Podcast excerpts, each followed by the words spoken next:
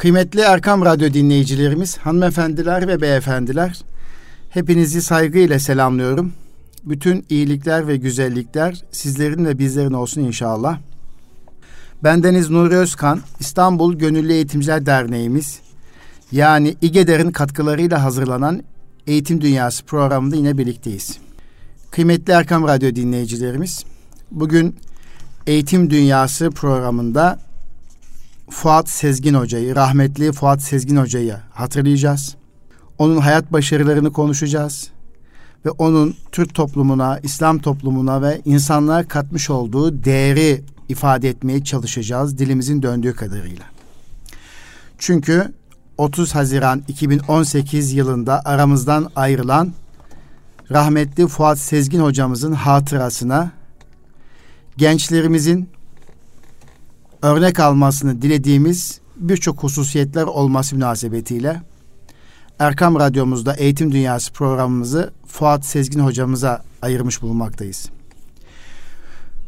Peki bunu kiminle konuşacağız? Kiminle müzakere edeceğiz? Dilimizin döndüğü kadarıyla bilim tarihine adanan ömür 40 deste Fuat Sezgin kitabını yazan değerli eğitimci, yazar Cumali Sever Beyefendi ile bu müzakeremizi gerçekleştiriyor olacağız. Cumali Bey, Fuat Sezgin hocamızın hatırasına çok güzel e, kitap yazmış, kaleme almış, akıcı uslupla yazmış. Ve e, ben de keyifle okudum. Bütün gençlerimizin, çocuklarımızın da okumasını istediğim, arzu ettiğim bir kitap olduğu için de Erkam Radyo içerisinde aynı zamanda bu kitabı da tavsiye etmiş olacağız. Evet, Cumali Bey, Değerli dostum hoş geldiniz. E, merhabalar kıymetli hocam. E, bizi dinleyen e, kıymetli dinleyicilerimize de canı gönülden selam olsun. Herkese sağlık, afiyetler diliyoruz. Bu vesileyle de e, merhum Fuat Sezgin hocamıza bu dördüncü vefat yıl dönümünde rahmet diliyoruz. Rabbim mekanını cennet eylesin, aile eylesin inşallah makamını evet. diye dua ile başlayalım. Şimdi, Davet ettiğiniz için de teşekkür ediyorum. Allah razı hocam. olsun. Çok teşekkür ederim. Siz de biliyorum yoğun zamanınız içerisinde e, Erkam Radyomuza, Erkam, Erkam Radyomuzun değerli dinleyicilerine vakit ayırmış olmazdan dolayı da teşekkür ediyorum. Ben teşekkür ediyorum. E, eğitimci olmuş olmaz münasebetiyle bir de dertli eğitimcilerden olmuş olmaz münasebetiyle tarihimizin önemli şahsiyetlerini kaleme alıp gençlerimizin istifadesine sunuyorsunuz. Bundan dolayı teşekkür ederim.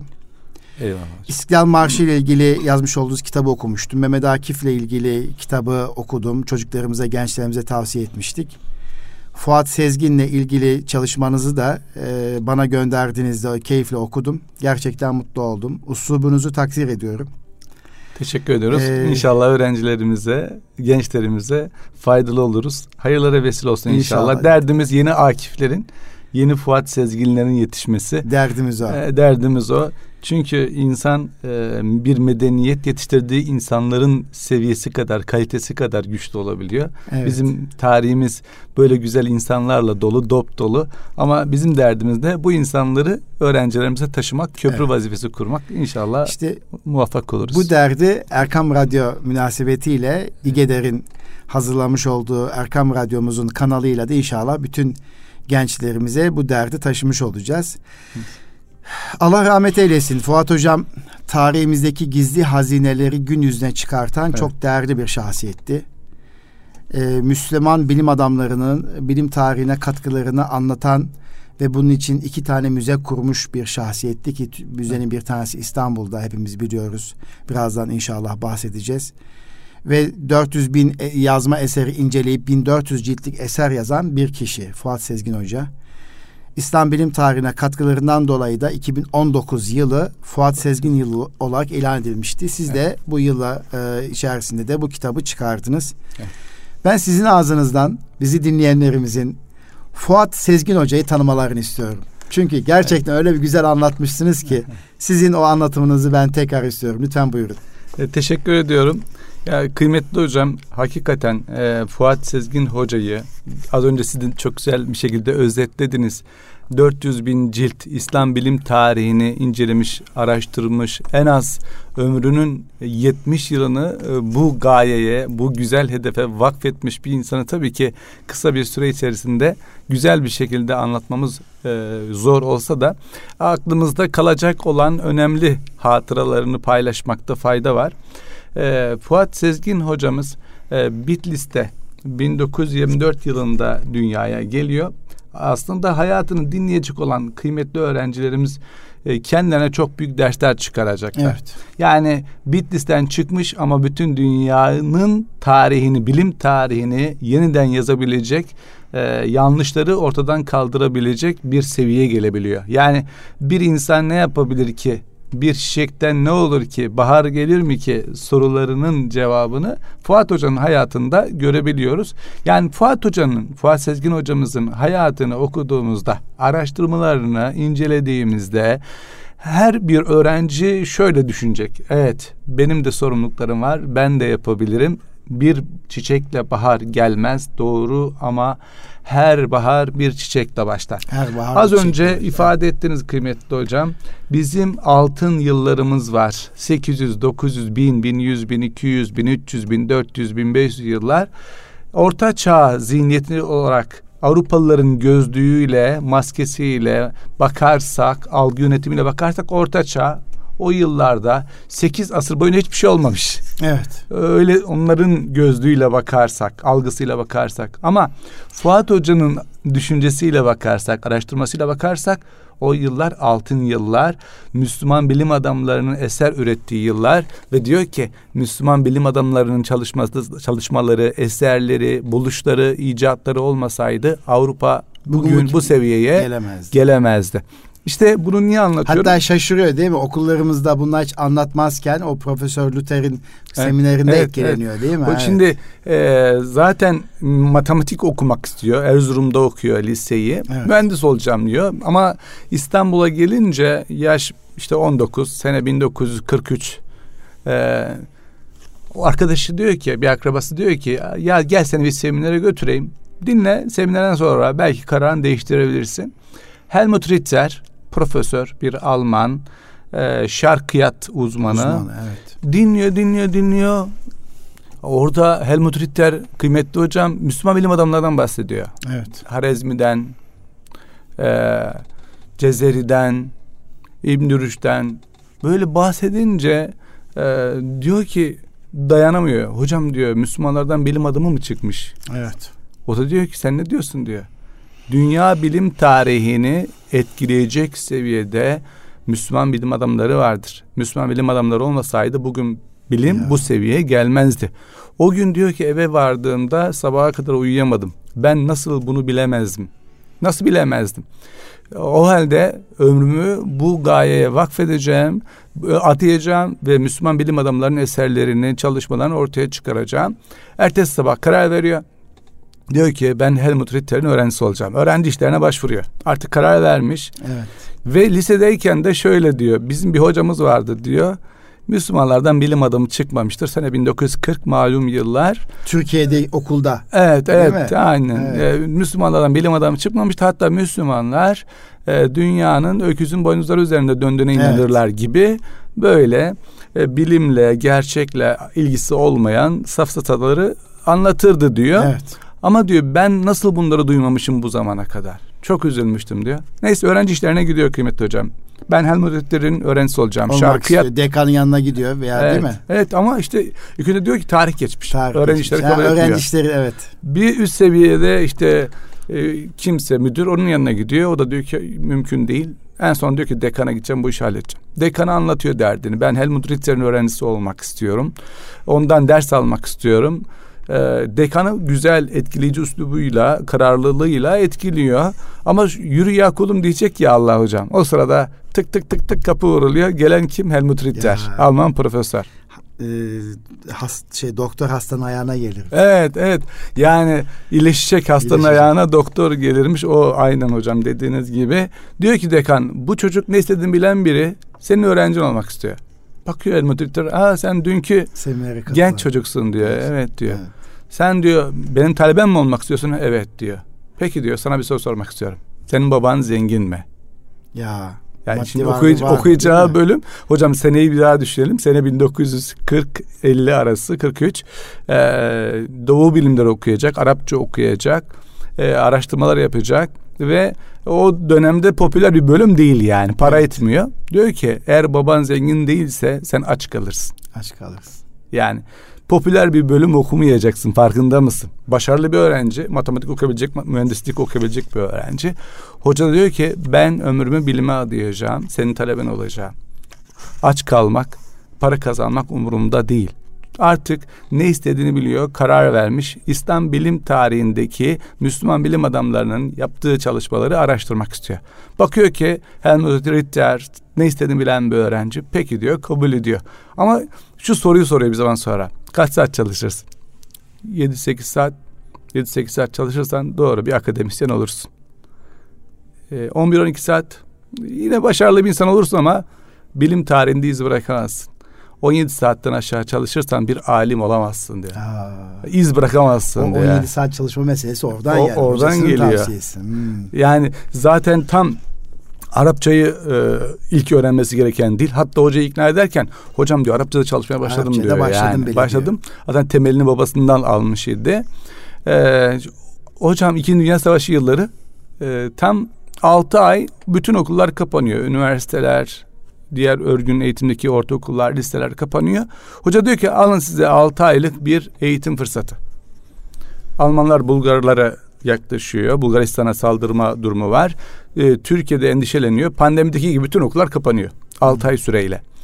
Hoca da diyor ki Helmut Ritter sana 6 aylık fırsat. Arapçayı çalış. Madem alim olmak istiyorsun, İslam bilim tarihini öğrenmek istiyorsun. Hoca diyor ki Fuat Sezgin Hoca kapandım diyor odaya. 6 ay boyunca 17 saat Arapça çalışıyorum her gün. Hmm. Sadece ezan okunduğunda mola veriyorum. Hmm. Onun dışında sadece Arapça çalışıyorum. Babamdan hmm. kalan tabiri tefsirini okuyorum. Arapça haliyle. Hmm. 6 ay sonra hocam diyor gazete okur gibi okumaya başlamıştım. 6 ay sonra hocam beni test etti. İhya'yı gösterdi. Arapçadan oku dedi. Okudum anlattım okudum anlattım. Dedi ki bana hiç bu kadar kısa bir sürede bu dili halleden kimseyi görmemiştim diyor. Hmm. Evet. Şimdi e, hocamızın özellikle üniversiteye gelip Helmut Ritter'in talebesi olup İslam bilim tarihi üzerinde araştırmalar yapması bu e, hedefle başlıyor. Hoca ile tanışmasıyla başlıyor. Aslında günümüze yansıtırsak bu hakikati bir talebemiz, bir öğrencimiz tanıştığı bir hocayı, tanıştığı bir yazarı, okuduğu bir kitabı küçümsememelidir. Evet. Çünkü hangi kitabın, hangi hocanın, ha, hocanın hangi cümlesinin ne kapılar açacağını kimse bilemez. Ya neyi ateşleyeceğini kimse bilemez. Heh, aynen öyle ya. kıymetli hocam. Evet. Orada üniversitede bir söz, bir cümle, dinlediği bir seminer, bir konferans Fuat hocamızın Fuat Sezgin haline gelmesini sağlıyor. İşte az önce en başta konuştuk. 400 bin cilt kitap okumuş. İşte hocası dedikten sonra dil öğreneceksin. 60 dil, ülke gezmiş. 60, 400 bin e, kitap cilt, incelemiş. Kitap incelemiş. Ya. Yani eğer her yıl bir dil öğrenmezsen sen alim olamazsın. İslam bilim tarihine de hakim olamazsın. 27 dil 27 dil diyor. Hocaya ha. soruyorlar. 27 dil biliyor musunuz diye. Hoca mütevazı, alçak gönüllü söylemiyor. Ben diyor değil de diyor hocam 34 dil bilirdi diyor. Yani hatta 17 saat çalışır mısınız? Benim hocam 24 saat çalışırdı diyor. Yani kıymetli hocamızın, Fuat hocamızın hayatına baktığımızda tatili tatil etmiş hocam. Tatili mesai tatil. kavramını ortadan kaldırmış. Onun için 24 saat mesai kavramı. Çalışma takvimi de 365 gün. Sizin kitapta şey yazıyor. Oturduğu Frankfurt'taki kasabayının gündüzlerini 17 yıl boyunca görmemiş. Evet şimdi hocam darbeden sonra atılıyor ya. Evet. Yani 38 yaşlarında ya bizden benim yaşlarda yani doçent olmuş profesörle ramak kalmış. Ee, belki o detayları yine evet. konuşuyoruz orada. Birden işte 147 profesörün atıldığını Atıldı, yazıyor. yazıyor. Ee, her şeyini kaybediyorsun. Diller öğrenmişsin çalışmalarına başlamışsın. İslam bilim tarihi anlamda kaynakları topluyorsun. Evet. Profesörlüğe ramak kalmış dedik. Evet. Bir anda işte bir darbe, talihsiz bir olay e, ve her şeyini kaybediyorsun. Bir hiçsin. Hiç. Yani şey anlamında e, devletin gözünde Evet. o dönemki hükümetin gözünde diyelim e, üniversitedeki işini kaybetmişsin. Çalışmaların bir önemi yok. E, dolayısıyla ne yapacaksın? O anda diyor ki evet bunların hepsi cahillikten alıyor. Biz kendimizi bilmiyoruz. Biz tarihimizi bilmiyoruz. Biz köklerimizi bilmiyoruz ve ne ediyorsak kendimize ediyoruz. Ondan dolayı mektup yazıyor. Hatta iki yıl önce de Almanya'da geçici e, öğretim görevlisi olarak çalışıyor. Diyorlar ki, gel burada çalış sen. Ülkende bu çalışmaları Kal yapamazsın. diyorlar Almanya'da. O dönemde kalmıyor tabii. Ya iki yıl önce Almanya'da e, misafir Darbeden önce. Aynen Evet. aynen. Misafir öğretim görevlisi olarak çalışıyor. Kal diyorlar. Hayır diyor. Ben ülkem için çalışmak istiyorum. Yani hocanın gayesi bu. Frankfurt'a yerleştiğinde de hatta Amerika'dan da çağırıyorlar. Mektup yazıyor. Ben diyor buradaki işimi kaybettim. Şu şu olaylardan dolayı üniversitede çalışmak istiyorum. Amerika'dakiler gel diyor. Almanya'dakiler gel diyor. Almanya'yı sırf ülkesini çok sevdiği için çalışmaları daha rahat yapabilmek için Almanya'yı tercih ediyor. Frankfurt'a yerleşiyor bir kasabaya az önce siz dediğiniz gibi 17 yıl diyor yaşadığım kasabanın gündüz halini görmedim. Güneş doğmadan önce enstitüye, üniversiteye okuma, çalışma, araştırma, kitap, yazma tekrar güneş battığında tekrar evine dönüyor. 17 yıl yaşadığım yerin gündüz halini görmedim. Evet. Müthiş bir şey hocam. Zaten o bu gayemiz varsa, bir hedefiniz varsa, bir tutuşmuşluğunuz varsa evlendiği gün hocam yine çalışmış, kitap okumuş yani. Evlendiği gün bile bu hedefinden, bu gayesinden vazgeçmemiş kıymetli hocamız. Fuat Sezgin hocamız. Evet Allah razı olsun. Allah Tabii gani gani e, rahmet Fuat eylesin. Sezgin Hoca engellilere takılıp kalmayan bir şahsiyet olarak da aslında birçok noktalarda e, azmi, güçlü iradesi ve engelliler karşısında birçok engeller çıkıyor. E, kararlı duruşu gençlere e, örnek olarak anlatabilecek bir şahsiyet.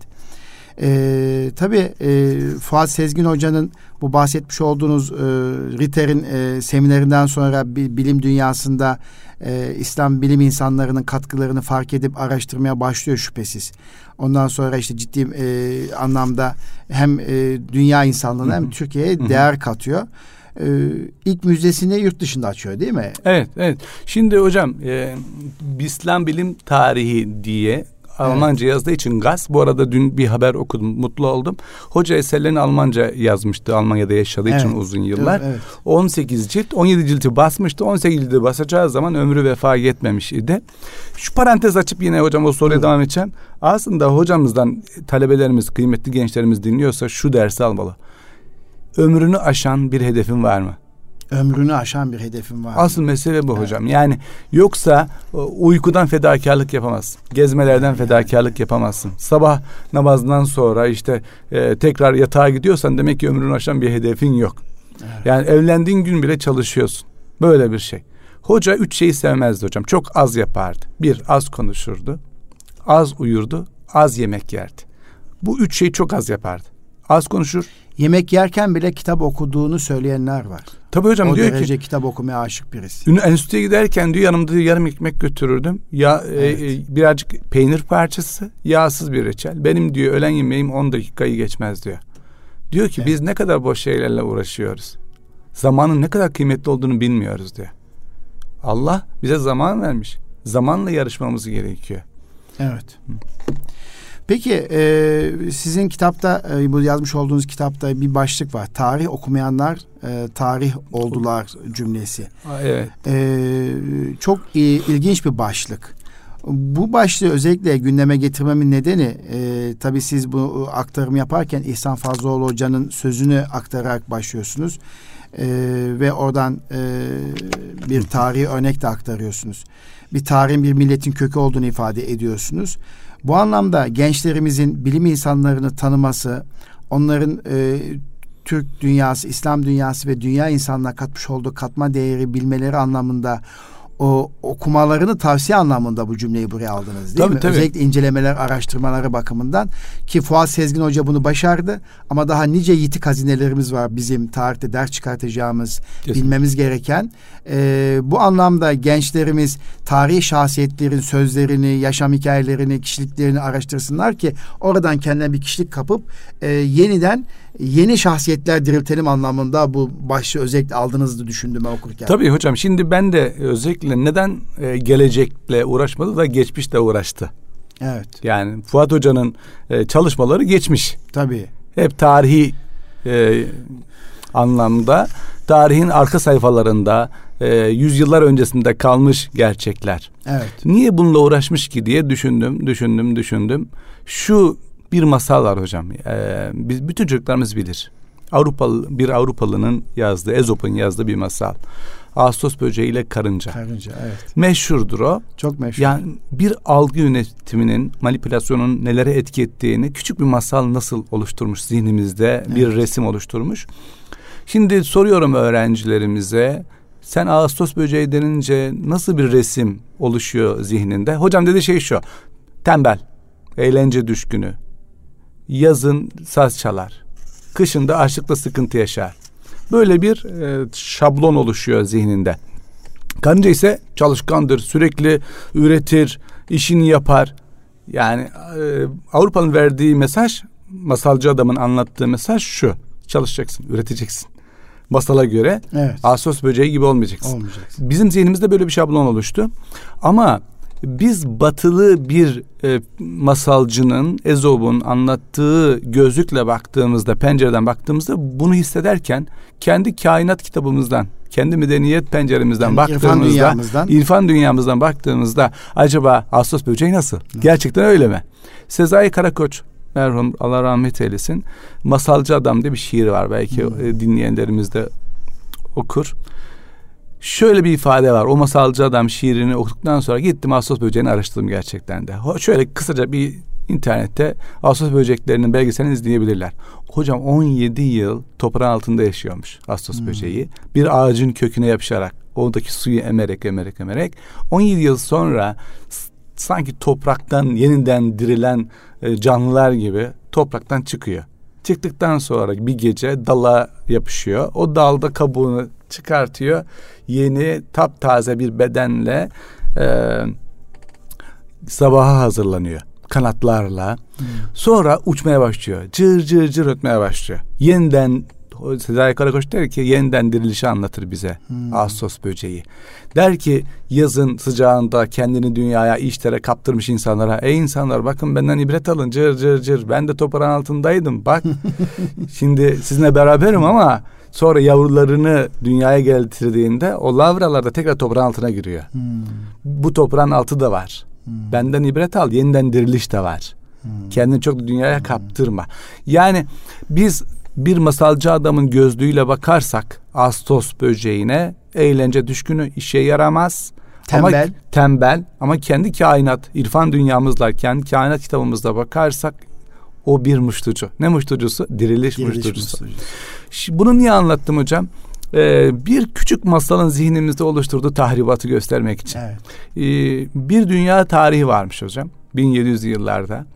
Eğer de o dünya tarihini siz okusaydınız, İngiltere'de olsaydınız, işte 18. yüzyılda 500 sayfa siyer okumak zorunda kalırdınız. Dünya hmm. tarihinde işte peygamberimizden bahsediyor, dört halifelerden bahsediyor, Müslüman devletlerden bahsediyor. Yıl 1700'lü yıllar. Ama 1800'lü yılların ortasına geldiğimizde, 1900 yıllara geldiğimizde Almanlar bu dünya tarihini tercüme ediyorlar. Bakıyorlar ki 500 sayfa Müslümanlardan bahsediyor bu dünya tarihi. 20 cilt, 60 sayfalık dünya tarihin 20 cildi Müslümanlardan, ülkelerden, kurduğu evet. medeniyetlerden, başarılardan. Ondan bahsediyor. Tabi Osmanlı'nın da ne yazık ki yıkılmaya başladığı, gerilemeye evet. başladığı dönem evet. diyelim. Diyor ki Almanlar, yıkılmak üzere olan bir medeniyetin tarihini çocuklarımızı niye okutayalım ki? Tamam birçok şeyi onlardan öğrenmiş olabiliriz ama ülkelerin çıkarı söz konusudur. Kendi çocuklarımıza onların tarihini okutmak zorunda değiliz deyip değiliz. o 20 cildi uçuruyorlar hocam. Hmm.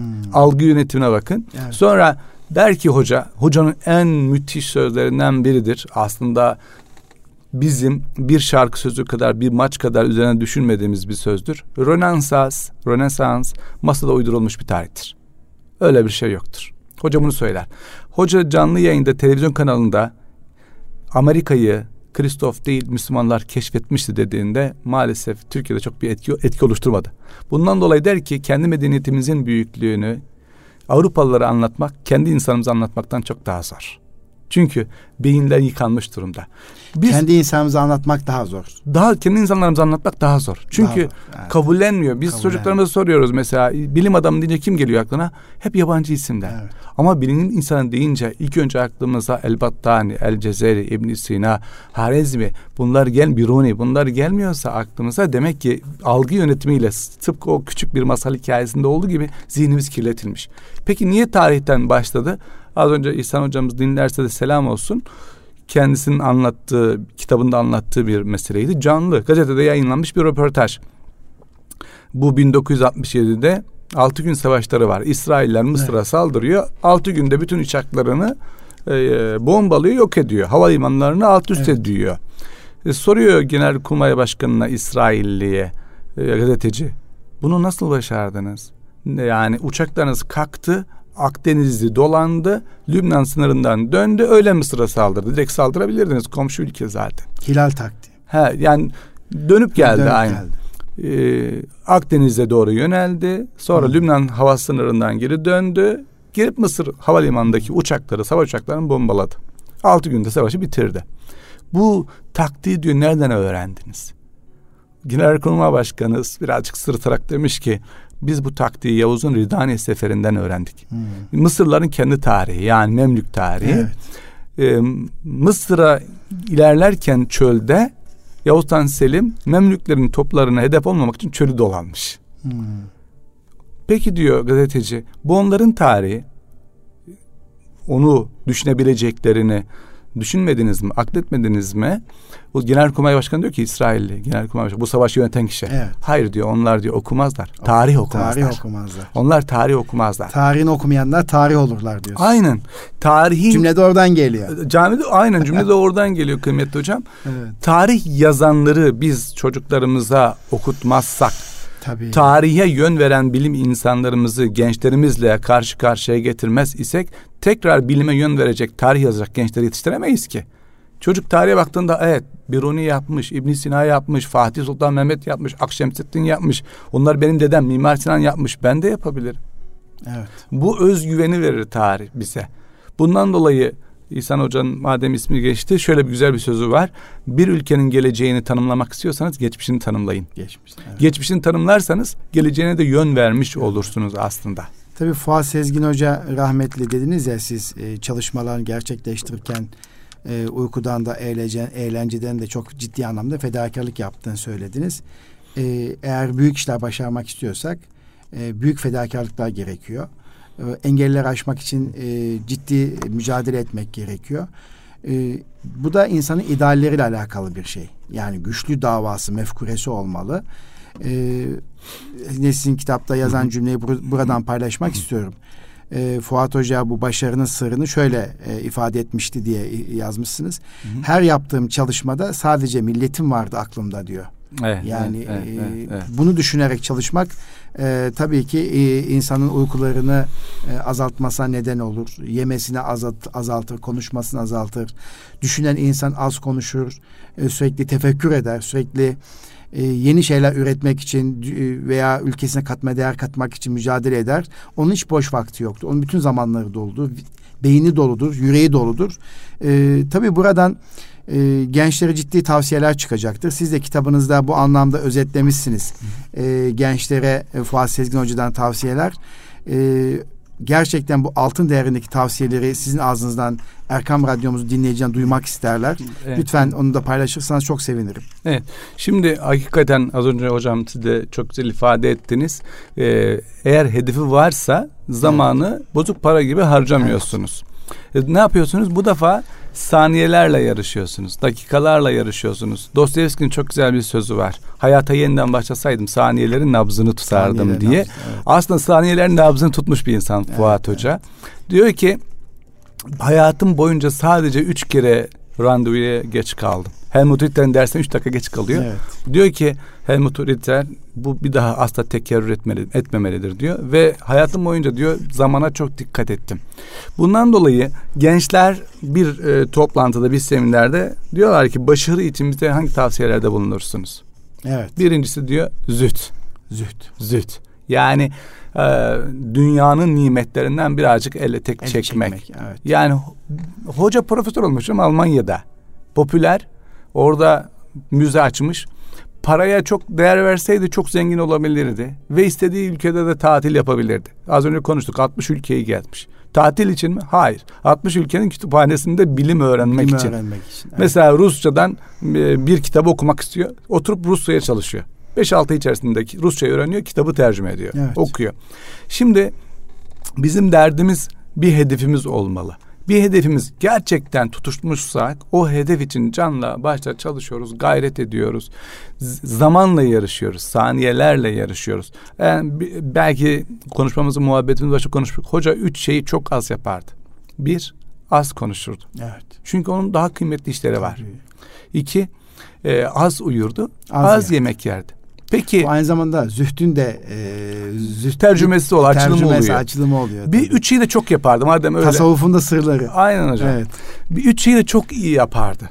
Çok Evet. çalışırdı. Zaten 70 yaşına geldiğinde hocam soruyor gazeteci yani röportaj yapan kişi. Siz 17-18 saat çalıştığınızı söylüyorsunuz. Hala 17 saat 18 saat çalışıyor musunuz? diye. Ee, yani 40'lı yaşlardan 25'li yaşlardan 70'li yaşlara kadar 17 saat 18 saat çalış çalış çalış. Cumartesi pazar da e, güneş doğmadan önce uyanır. Akşam saatlerine kadar 12'ye kadar çalışır. Siz hala 17 saat 18 saat çalışıyor musunuz? Verdiği cevap şu. Ya birazcık ihtiyarladım. Oturunca biraz kemiklerim ağrıyor.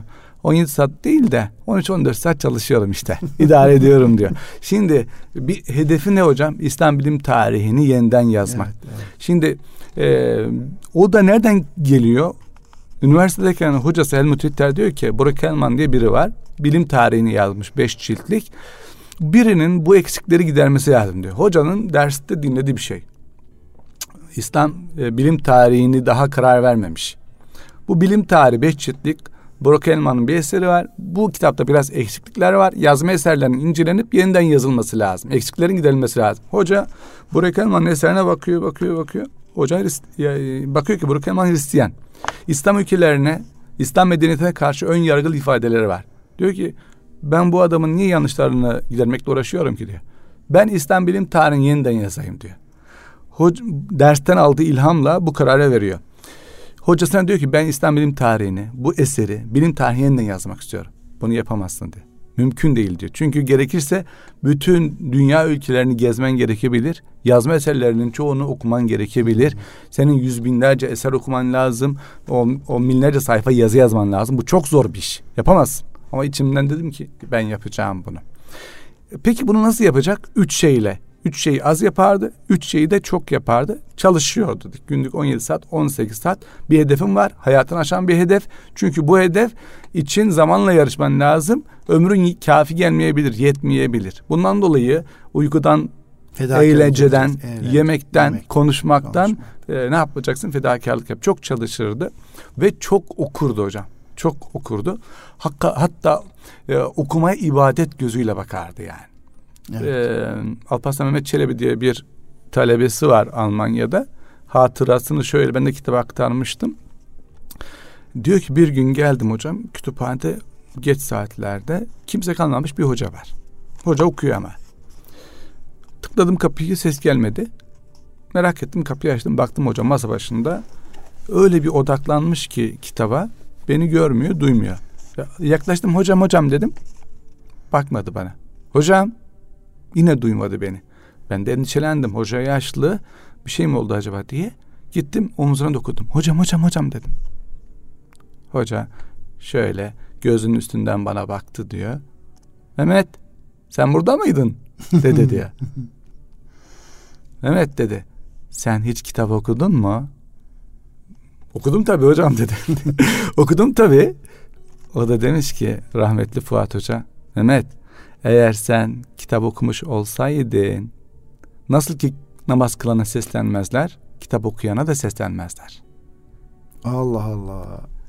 Çok O, iyi. müthiş bir hatıra. Müthiş bir hatıra. Yani odaklanmak hocam. O kadar odaklanmış ki demek Odaklan- ki beni niye kopardın diyor Evet, nazikçene evet. ya. Aynen hocam. Ben evet. Zaten o gençlere şunu tavsiye ederim diyor. Okuyacağınız zaman aklınız orada burada dışarıda değil. Kitabın içerisinde olmalı ki kitap size sırlarını, hazinelerini, hmm. bilgilerini açabilsin. Evet açabilsin. Peki e, bir de hocam e, gençlere tavsiye edeceğimiz evet, üç şeyi çok yapardı, çok okurdu, çok çalışırdı ve sabrederdi. Sabreder. Sa ne demek? Çalışmaya sabretmek hocam. Okumaya evet. sabretmek. Dil öğrenmeye sabretmek. E bunları yapmazsak zaten genç kardeşlerimizin başarılı olması mümkün değil. Bir de ihsan derecesinde çalışmalarını tavsiye ederdi. İhsan. İşimizi ihsanla yapacağız. Bir en güzel şekliyle yapacağız. İki Allah görüyormuş Allah gibi görüyormuşçasına çalışacağız. Değil mi? İhsan, evet. ihsan duygusu. Başarının sırrı da zaten bu. Ee, engellere takılıp kalmadığını söyledik. Ee, zamanın nabzını çok iyi tuttuğunu ifade ettiğini, zamanla yarıştı. Büyük hedeflerini gerçekleştirebilmek için ciddi anlamda fedakarlık yaptı dedik. ee, gerçekten e, Fuat Hocam Allah razı olsun e, böyle olunca e, büyük eserler ortaya çıkıyor. Mesela hocam Tabii, evet. ortaya çıkarttığı eserlerden bazılarını müsaadeniz evet, zamanımız varsa. Bir 10 dakikamız kalmış. Evet. Diyor ki hocam mesela Fuat hocam ortaya çıkardı gerçeklerden bazıları. Yani bizim altın çağımızı bize hatırlatıyor.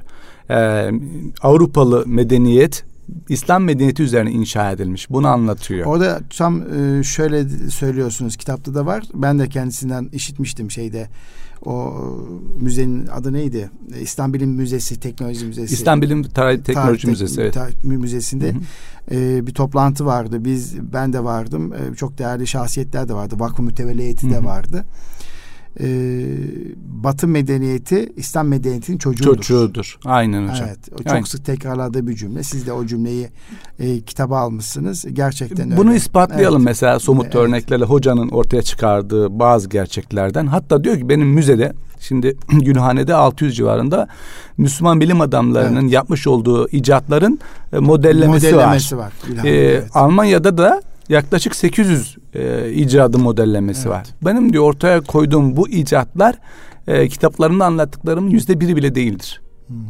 Yüzde biri bile değildir diyor. Mesela bir tanesi 9. yüzyılda yaşayan Müslüman bilim adamı Battani. Güneş, ay ve gezegenlerin hareketli üzerine araştırmalarda bulunuyor. Diyor ki bin yıl önce, bin yıl önce Batılılar dünyanın dönmediğini söylediği çağlarda Güneş yılını 365 gün 5 saat 46 dakika 24 saniye şeklinde hesaplıyor hocam. Evet. Bunun 9. yüzyılda. 9. yüzyılda. Galileo 1400'lü evet. yıllarda söylediğinde adamı idamla yargılıyorlardı. İdamla Arada 500-600 yıllık bir bilgi farkı var. Bu bazı batılılar da insaflı oluyor hocam. Tutmuşlar yıllarca e, kitabını üniversitelerde ders kitabı olarak okutmuşlar Battani'nin Battani'nin kitaplarını.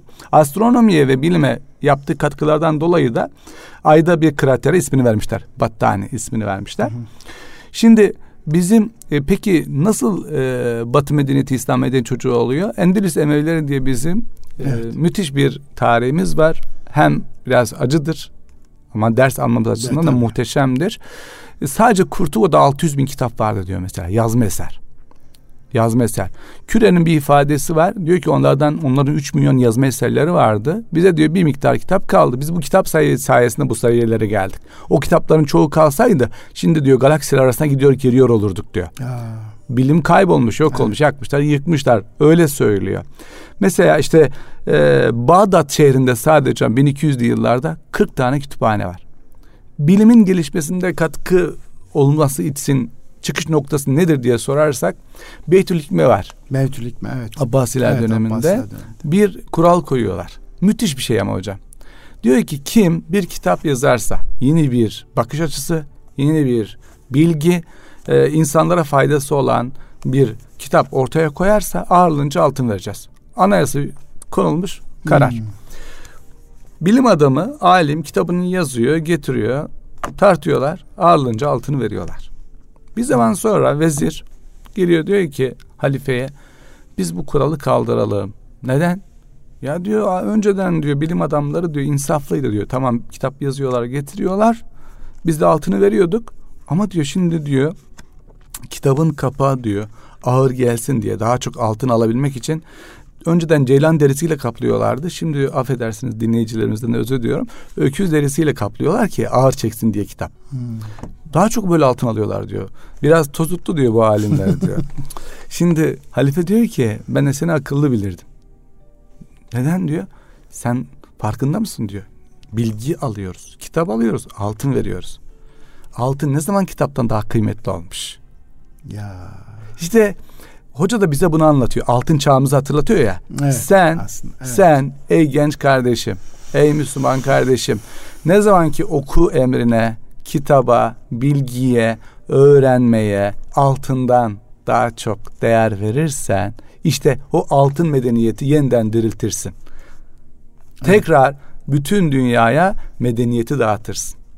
Bu mesajı bize veriyor aslında kıymetli hocam. Çok önemli bir mesaj. Yani Allah razı olsun. Gerçekten yitik hazinelerimizin e, ortaya çıkmasına vesile oldu Fuat Sezgin hocamız. Siz de anlatımlarınızla e, gençlerimize Fuat Sezgin hocamız gibi çok değerli şahsiyetlerimizi tanımaları noktasında belki yaz tatili dediğimiz tatilde ne okuyayım ben acaba diye düşünürken belki tarihimizin önemli şahsiyetlerin biyo- biyografilerini okuyabilirler.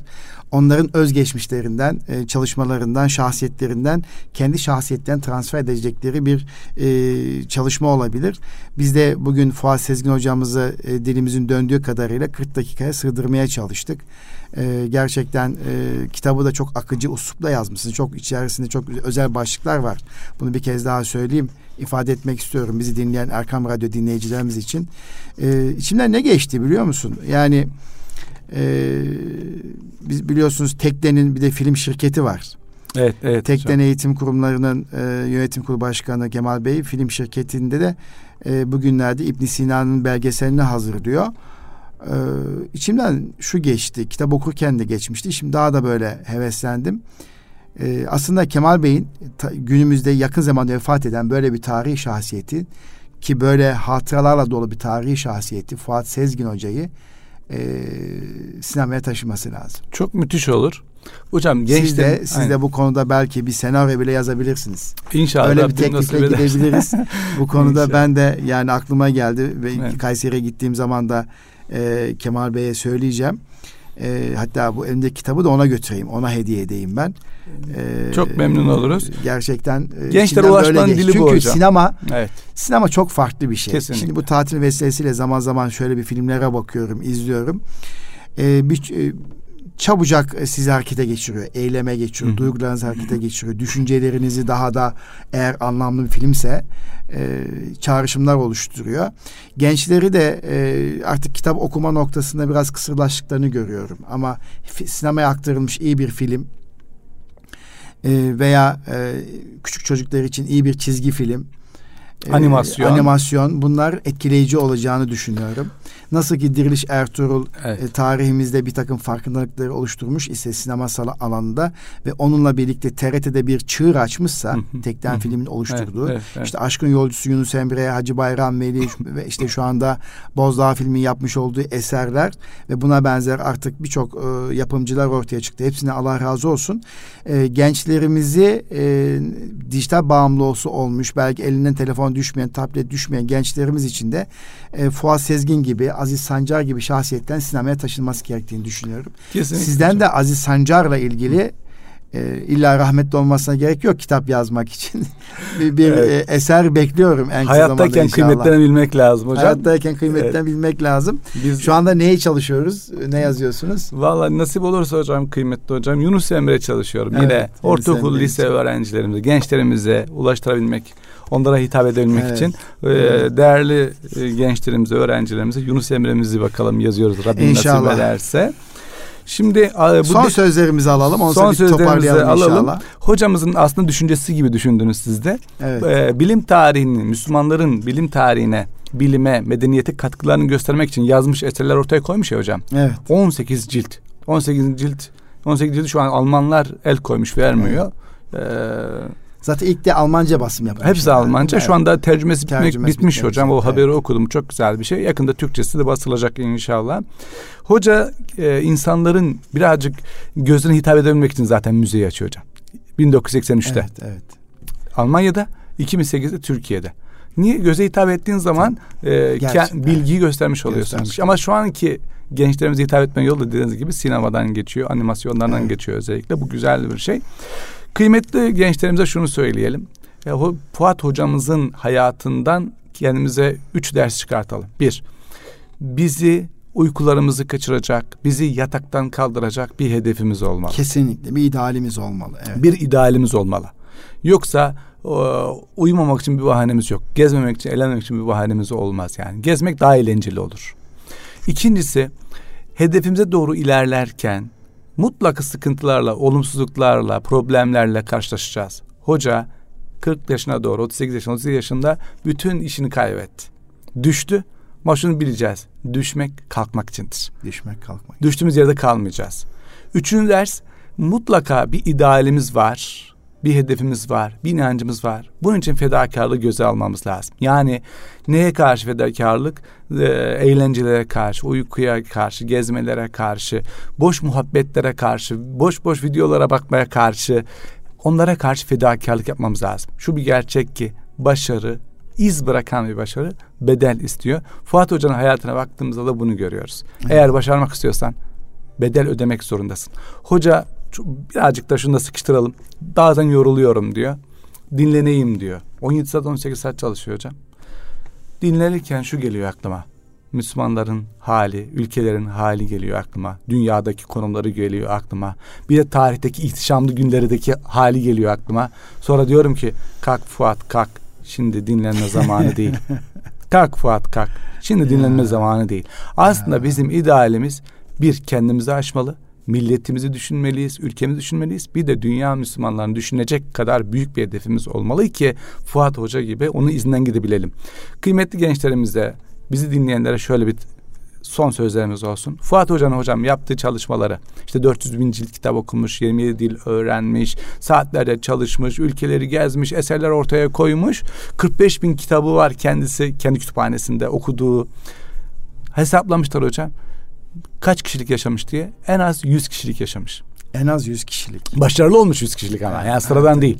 Başarılı olmuş 100 kişinin e, hayatında koyduğu performansı göstermiş, tek başına tek göstermiş. başına göstermiş. Yani, evet. yani dolayısıyla biz kaç kişilik yaşayacağız? Bu hmm. soruyu sormamız lazım sevgili gençlerimiz. Hmm. Yani üniversitedeyken 10 yıl sonrası için, 20 yıl sonrası için, 30 yıl sonrası için ben nerede olacağım? Hangi hedefleri var? Hangi hedefleri gerçekleştireceğim? Ve hocanın da yine bir ifadesi var. Ben diyor her koyduğum hedefe diyor kavuştum. Üniversiteyi bitirdim şu yılda. Doktoramı bitirdim. Profesör oldum. Her dediğim hedefi baktım ki yerine getiriyorum. O darbe olayından sonra her şeyimi kaybettim ya. Dedim ki ha tamam ama Allah'a inancını da büyük takdiri de unutmayacaksın. Elinden geleni yapacaksın takdire de karışmayacaksın. Mutlaka Allah'a olan inancımızı da imanımızı da zühdümüzü de sağlamlaştırmamız gerekiyor. Bunu da e, son sözler olarak Allah söyleyelim. İnşallah evet. yeni yeni nice Fuat Sezginlerin yetişmesine İnşallah. vesile olsun bu programımız. İnşallah. Cenab-ı Hak da e, rahmet etsin. E, onun gibi güzel insanlar yetiştirmeyi bize eğitimcilerde nasip etsin inşallah. Evet kıymetli Erkam Radyo dinleyicilerimiz, hanımefendiler ve beyefendiler bugün Eğitim Dünyası programında bilim tarihine koskoca bir 94 yıllık ömrünü harcayan Fuat Sezgin Hoca'yı görüş, konuştuk, müzakere ettik. E, eğitimci yazar Cumali Sever Bey ile müzakeremizi yaptık. Kendisine teşekkür ediyoruz. Ağzınıza, dilinize sağlık efendim. Bir de dinleyenlere teşekkür ediyoruz. Çok Davet teşekkür ederiz. Teşekkür çok ederiz. sağ olun, çok, çok sağ olun. teşekkür ederiz. Kıymetli Erkam Radyo dinleyicilerimiz, bir sonraki Eğitim Dünyası programında buluşmak dileğiyle şimdiden bayramınız mübarek olsun. Kalın sağlıcakla.